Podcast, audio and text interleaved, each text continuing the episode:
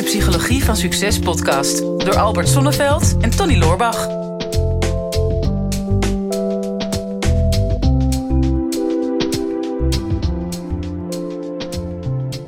Albert, we hebben echt een vraag binnengekregen. Die is ons op het, leven op het lijf geschreven. Oh jee, dit wordt een. eh, dat- gaat het, wordt het persoonlijk dit keer? Dit, dit is eentje waar wij eh, misschien allebei niet echt recht van spreken hebben. Als, eh als vrijgezelle mannen. Maar, eh, Of juist wel?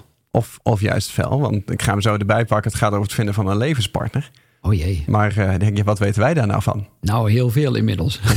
Oké, kan, kan je daar het een en ander over delen? Ja. ja, zeker. Zeker. Dus eh, dat doe ik met, eh, met heel veel plezier. Maar ik ben wel benieuwd naar de vraag uiteindelijk. Ja, de vraag is van eh, Sophie. Het is in ieder geval een dame, dus dat scheelt. Dus dat misschien dat eh, een van ons tweeën nu een goede pitch over zichzelf kan doen. Ja. Maar eh, er staat hier: eh, Hi Tony, sinds een week luister ik met plezier naar jullie podcast.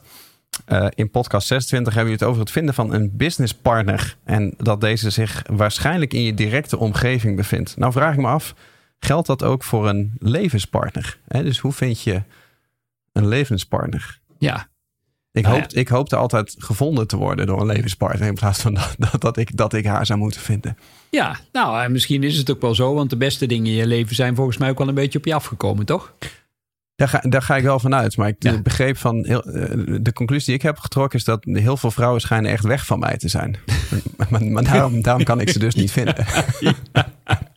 En, eh, en heb je al eh, een beetje onderzocht voor jezelf waar dat misschien mee te maken zou kunnen hebben? Ja, het zit wat dieper. Ik dacht eerst dat het bindingsangst was. Maar het blijkt uiteindelijk vindingsangst te zijn. Dus ik word, ik word maar niet gevonden. ik, ben, ik heb wel van zoekmachine optimalisatie mijn vak gemaakt. Ja. Dus ik kan heel goed eh, gevonden worden als het om business gaat. Maar misschien zou ik ook een sales page over mezelf moeten schrijven. Ja. Oh jee. Ja, dat is natuurlijk wel gelijk een hele mooie, goede tip. Want dat is echt interessant om dan te kijken wat daarop zou komen te staan. En ik ben ook heel benieuwd naar je bullet points dan. Want nou ja, eh, volgens mij op dating sites gebeurt dat natuurlijk. Dan moet je, ja, dan moet je salespagina over jezelf maken. En dat lijkt ik, ik heb nog nooit op een dating site gestaan. Want ik heb Brein TV. Dus ja, precies. Ja.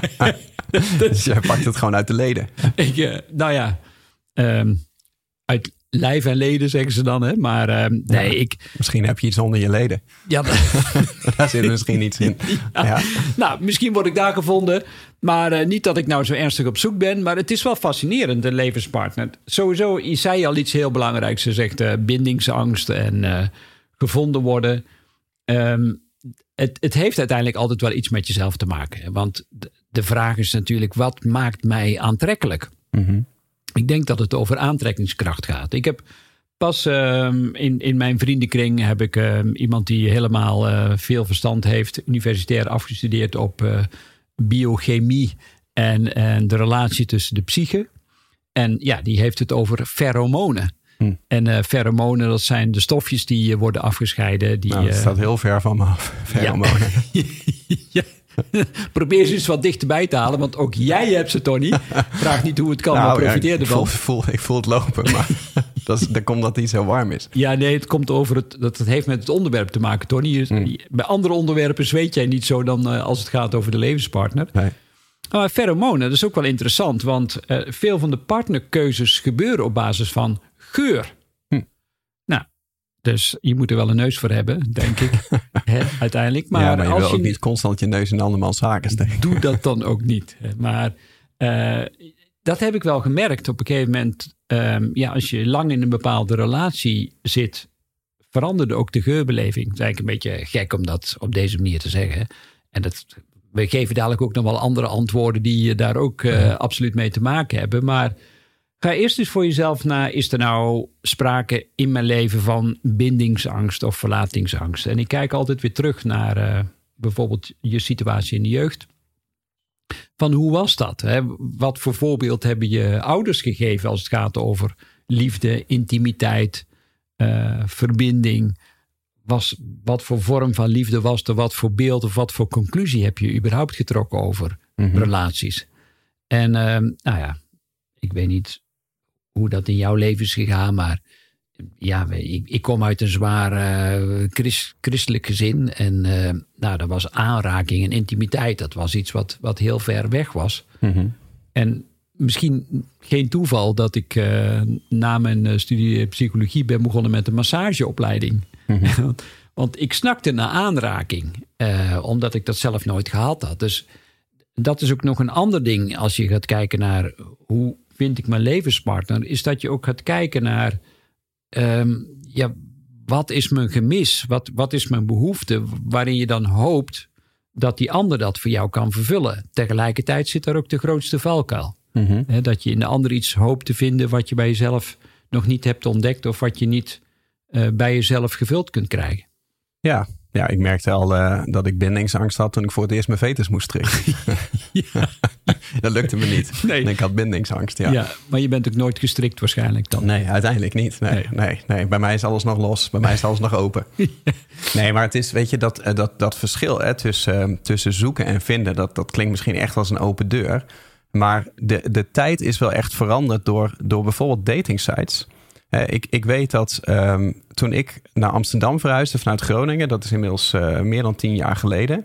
eh, toen, toen was er nog geen, geen Tinder en toen waren er nog niet die populaire apps, maar toen waren er al wel dating sites. En ik kwam hier bijvoorbeeld in een nieuwe stad zonder collega's. En voor mij was dat heel logisch om dan bijvoorbeeld eens een keer een datingsite te proberen. Want ja, om dan in je eentje op stap te gaan, ook nog in een stad als Amsterdam. Ja, ik vond dat best wel moeilijk om mensen te leren kennen dan en iets op Ja. te bouwen. Ehm, en, maar toen was dat nog helemaal niet ehm, gewoon goed. Hè? Dat, dat was eigenlijk een beetje raar als je zei dat je op een datingsite zat. Ja. Nu is gewoon bijna iedere vrijgezel heeft wel een keer op Tinder gezeten. Hè? Tijden Mhm. zijn veranderd. En het wordt nu eigenlijk ook ja, makkelijker, denken we, om te gaan daten. Want, want voorheen moest jij in het echte leven moest je over je zenuwen heen stappen en moest je eigenlijk ehm, jezelf kwetsbaar maken en iemand mee uitvragen of, of eh, je interesse aangeven. Ja. En dan is een kans dat je afgewezen wordt. Eh, maar op Tinder is dat natuurlijk niet. Want, want je, als je afgewezen wordt, zul je het nooit weten. Als iemand jou eh, naar links swipet. Ik zal het je even uitleggen hoe het werkt. Oh, maar ja, je, je, ja. je ziet een foto van iemand. Dus Mhm. het is een vleeskeuring. Ja, En, en jij denkt dan van nou, die zou ik doen of die zou ik niet doen. en die veeg je dan naar links als jij niet wil. En, en naar rechts als je wel wil. En als zij jou ook naar rechts veegt, dan heb je een match. En dan kan je met elkaar praten. Maar dat maakt het, dat maakt het veel laagdrempeliger om eh, daar te gaan daten. Hè? Dus dat je zegt van, ik, ik heb alleen maar contact met, met vrouwen waarvan ik al weet dat ze mij leuk vinden. Want, want anders hadden we geen match gehad. En dat haalt een bepaalde spanning vanaf. Eh, alleen wat, er, wat, wat ik gemerkt heb daaraan, want ik heb het ook af en toe wel eens gedaan, is dat ik denk van ja, je gaat heel bewust echt op zoek naar iemand eh, om, om mee te partneren. En eigenlijk is dat een beetje een onnatuurlijk iets. Het is logischer dat jij iemand tegen bent gekomen in jouw directe omgeving. Eh, want, want, want iemand komt alleen maar in jouw directe omgeving als het iemand is die met dezelfde dingen bezig is als jij. Juist, ja. Als er eenzelfde energie is, als je leven bij elkaar past. En als je iemand tegenkomt waar je een, een fijne ervaring mee hebt. ehm, en je zou daarmee gaan daten hè, of daarmee samenkomen, dan is de kans dat dat echt bij elkaar past, is veel groter dan wanneer je de hoort op gaat en dat je extern op zoek gaat. En zeker bij datingsites zoals Tinder, van ja, je kijkt echt naar het plaatje, letterlijk. Hmm. En van dat plaatje weet je niet eens of het het echte plaatje is. Maar je kan Nee. er in ieder geval van uitgaan dat het het mooiste plaatje is wat ze hebben. En dat is eigenlijk een heel onnatuurlijk proces. Ja, je kunt er niet aan ruiken aan dat plaatje. Hè? Dus daar ga je al met je pheromonen. Terwijl Ja, het eh, dat onbewust een, een hele belangrijke factor is. Ja, Dus als je voor jezelf kijkt, oké, stel nu dat ik partnerloos ben, maar ik zou dat wel graag willen hebben. Ga in eerste instantie naar jezelf kijken. Hoe is mijn beeld over liefde vanuit het verleden? Ben ik bang om afgewezen te worden? Wat heb ik misschien traumatische ervaringen op dat gebied? Eh, hoe sta ik überhaupt tegenover intimiteit? Wat is mijn onbewuste verlangen? Welke leegtes heb ik die ik in mezelf niet gevuld kan krijgen? Dus, nou, ja ik laat dit grapje even liggen.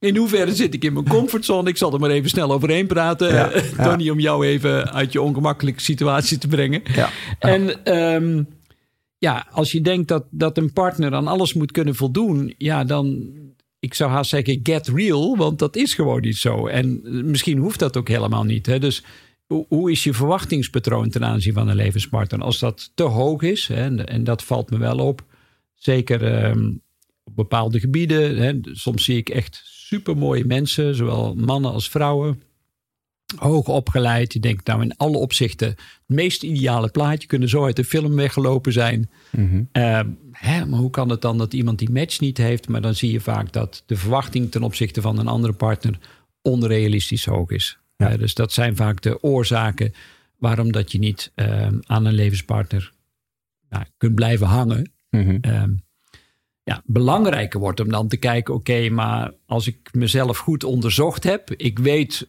waar mijn mankementen zitten en ik durf er ook eerlijk en kwetsbaar over te zijn, ja, dan komt natuurlijk de volgende uh, fase van, ja, maar, maar wat zijn nou de signalen uh, die er zijn op het moment dat het voor mij blijkbaar lastig is om zo'n levenspartner te vinden? Want je geeft ook allerlei signalen af als je in, ja, een beetje aan het, ik noem het maar even, snuffelen bent. Mm -hmm. um, en, en je, bent, je bent met een partner aan, de, um, aan het daten. En er worden allerlei signalen afgegeven dat je denkt: ja, maar is dit nou wel de ware partner? Mm -hmm. dus je bent over je schroom heen gestapt. Je wordt gevonden of jij vindt iemand. Nou, dan ga je een beetje experimenteren. Maar dan zijn er altijd al een aantal signalen waarvan jij weet: oké, okay, gaat dit wel de goede kant op? Heb jij enig idee wat voor signalen dat dat zijn? nou, zover ben ik nooit gekomen in het datingsproces. Nee, maar, uh, nou, jawel, jawel, maar dat, dat, um, ik merk dat dat, als, als ik naar mezelf kijk, dan merk ik dat, dat, dat ik dat sneller herken. Um, dat als het over daten gaat, weet je, we hebben het over ga je nou echt op zoek en, en dan zoek je naar een plaatje, de, de vleeskeuring, ja. of, of ga je de andere kant op, hè? komt het van binnen. Dus je werkt aan jezelf en je maakt jezelf aantrekkelijk. En als je aantrekkelijk wordt, dan krijg je een aantrekkingskracht. Hè? Daarom zijn dat ook daarom zijn dezelfde woorden. Dan komt, dan komt het naar je toe. Um, maar het, mensen komen alleen maar naar jou toe um, als, jij, uh, als jij tevreden bent met jezelf. Als je blij bent met jezelf. Als je iets uitstraalt. Dus voordat iemand anders jou gelukkig kan maken. Of misschien nog beter gezegd, voordat jij iemand anders gelukkig kan maken. Moet je mm. eerst jezelf gelukkig kunnen ja. maken. Dus, dus, dus daar begint het. Um, en je kan alleen maar jezelf gelukkig maken als je weet wat jou gelukkig maakt. Dus, dus in plaats van dat je uh, vanuit een onzekerheid zoekt naar een relatie om, hè, net wat je zegt, een aanvulling of een, op, of, een, of een opvulling te zijn. Ja, het moet een aanvulling zijn. Ja, dit, je hebt me helemaal in de war met dit. Uh, ja. maar, um, maar je redt het wel, Tony. Echt tot nu toe gaat het gewoon echt ja, het gaat top, top ja. Je bent ja, gewoon echt het idee dat ik aantrekkelijke love magnet Heel aantrekkelijk zitten maken nu.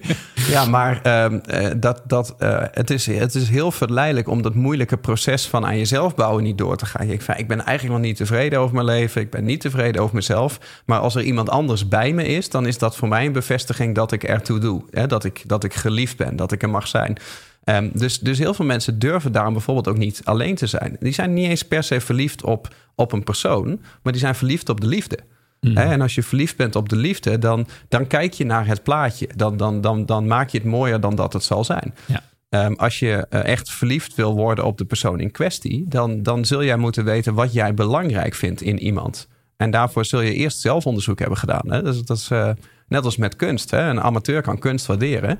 Maar een expert kan er kritiek op geven. Ja. Dus je moet, je moet eerst een expert worden over jouzelf. Mm. En als je expert bent over jezelf, dan kun je veel selectiever gaan kijken van um, wat, wat zou iemand zijn die, die bij mij past. Ja. Um, en dan ga je dat in het echte leven ga je het ook sneller opmerken. Hè? Als er ergens alarmbellen afgaan, dat iemand een persoonlijkheid heeft of, um, of, of een, een bepaalde levensopvatting waarvan jij al weet van dat gaat niet matchen op de lange termijn met mijn leven. En dat zou alleen maar een succesvolle relatie kunnen zijn als we elkaar niet al te vaak zien.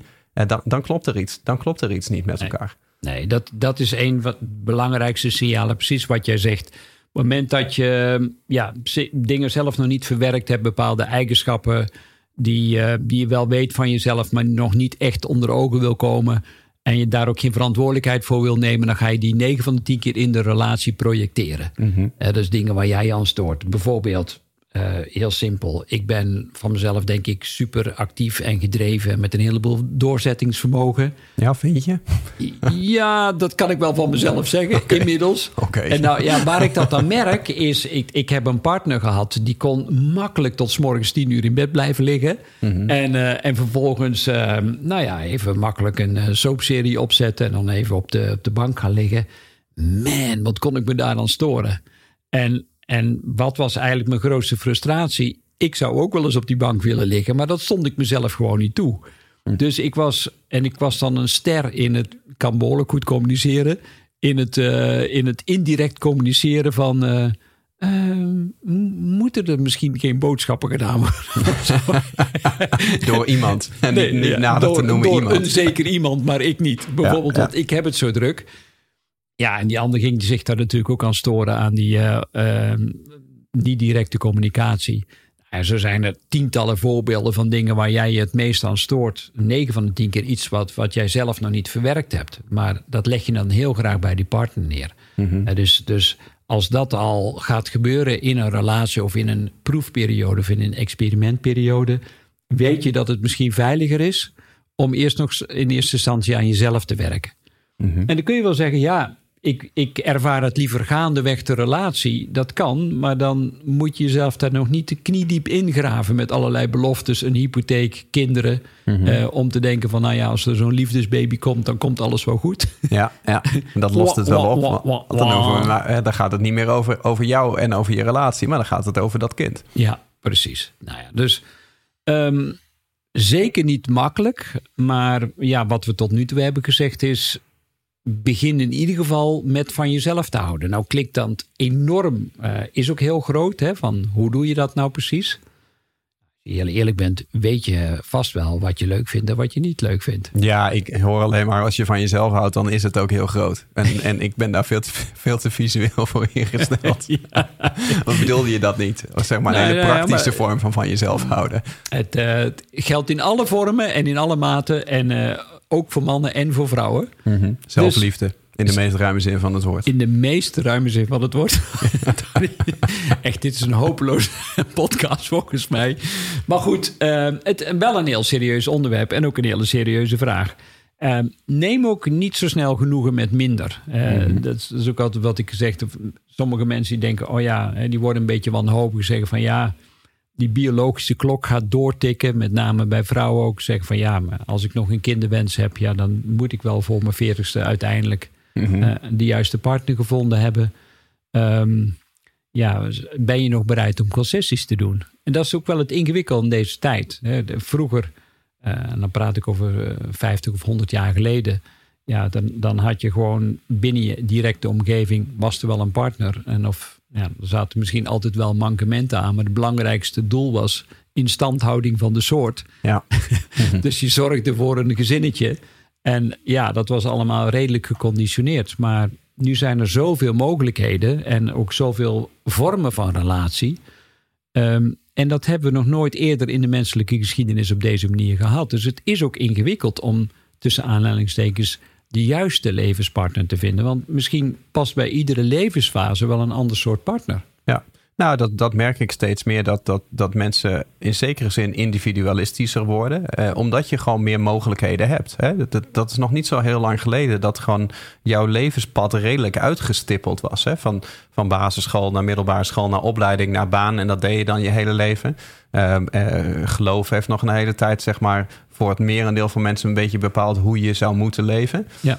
En ehm, als ik kijk naar mijn generatie, dan is dat alweer heel anders dan bijvoorbeeld de, de generatie van mijn ouders. Hè? En hoeveel vrijheden en hoeveel mogelijkheden je hebt. En ehm, ik merk dat ook dat je eh, langer de tijd wil nemen om eigenlijk je eigen leven te leven. In plaats van dat je al een onderdeel bent van, van een gezamenlijk leven. Hè, dus dus iets, iets moet echt een, een toevoeging op jouw leven zijn. Maar in de kern wil je, wil je het eerst eigenlijk het complete plaatje hebben. En, Ja. en gewoon alleen eigenlijk heel erg gelukkig zijn. En ik merk dat steeds meer mensen dat hebben. Dat gewoon het, het hebben van een vaste relatie je hele leven, dat dat veel minder normaal is eh, dan wat dat hier voorheen was. Als ik ook kijk op, op wat voor vrouwen ik nu zou vallen. ehm, en waar ik, waar ik nu eh, een levenspartner in zou kunnen vinden. Ja, dat heeft niks te maken met waar ik vijf jaar geleden of tien jaar geleden opgevallen zou, zou zijn. Ja. Ehm, en natuurlijk kan je met elkaar mee ontwikkelen, natuurlijk kan je met elkaar meegroeien. Hè? Maar misschien moet je er ook voor openstaan dat je inderdaad niet je hele leven dezelfde partner hebt. Ja, dus wen maar aan het idee. Hè? Dus als je, Dat, dat is wat jij hebt gedaan. ja, ja, ja ik, ik merk wel en ik, ik vond het ook wel lastig. En ik, ja, ik weet ook niet, in alle opzichten ben ik er ook niet trots op dat ik, eh, dat ik eerder getrouwd ben geweest en gescheiden en weer getrouwd en weer gescheiden. En, ehm, en dat ik dan ook dacht van wow, eh, wat is mijn aandeel daarin? En dat, dat heb ik zeker. En aan de andere kant gaf me dat ook een hele grote geruststelling. Dat ik denk, ja, een beëindigde relatie is geen mislukte relatie. Eh, omdat we nog zo vastzitten aan het beeld van ik hou van jou en ik blijf jou eeuwig trouw. Ja, dat vind ik tegenwoordig wel een hele grote belofte. Zeker omdat onze levensverwachting steeds groter wordt. Hè. De eerste was de levensverwachting 50, 60 jaar, hè, zo'n 150 jaar geleden. Was de gemiddelde leeftijd veel lager. En nu worden ja, we steeds... zaten die al in de blessuretijd nu. ja, ik zit zwaar in blessuretijd inmiddels. dus dus um, ja, van daaruit denk ik dat bij een, een, een andere levensfase misschien ook een andere uh, partner past. Waar vind je die dan? En dus denk ik ook, je hebt de, het online variant, heb je al genoemd. Maar er zijn op allerlei plaatsen is er wel een soort kaap de goede hoop. Zo noem ik dat. de bejaardensoos bedoel jij? bejaardensoos. Maar als je dat toch eerder wil beginnen aan een relatie.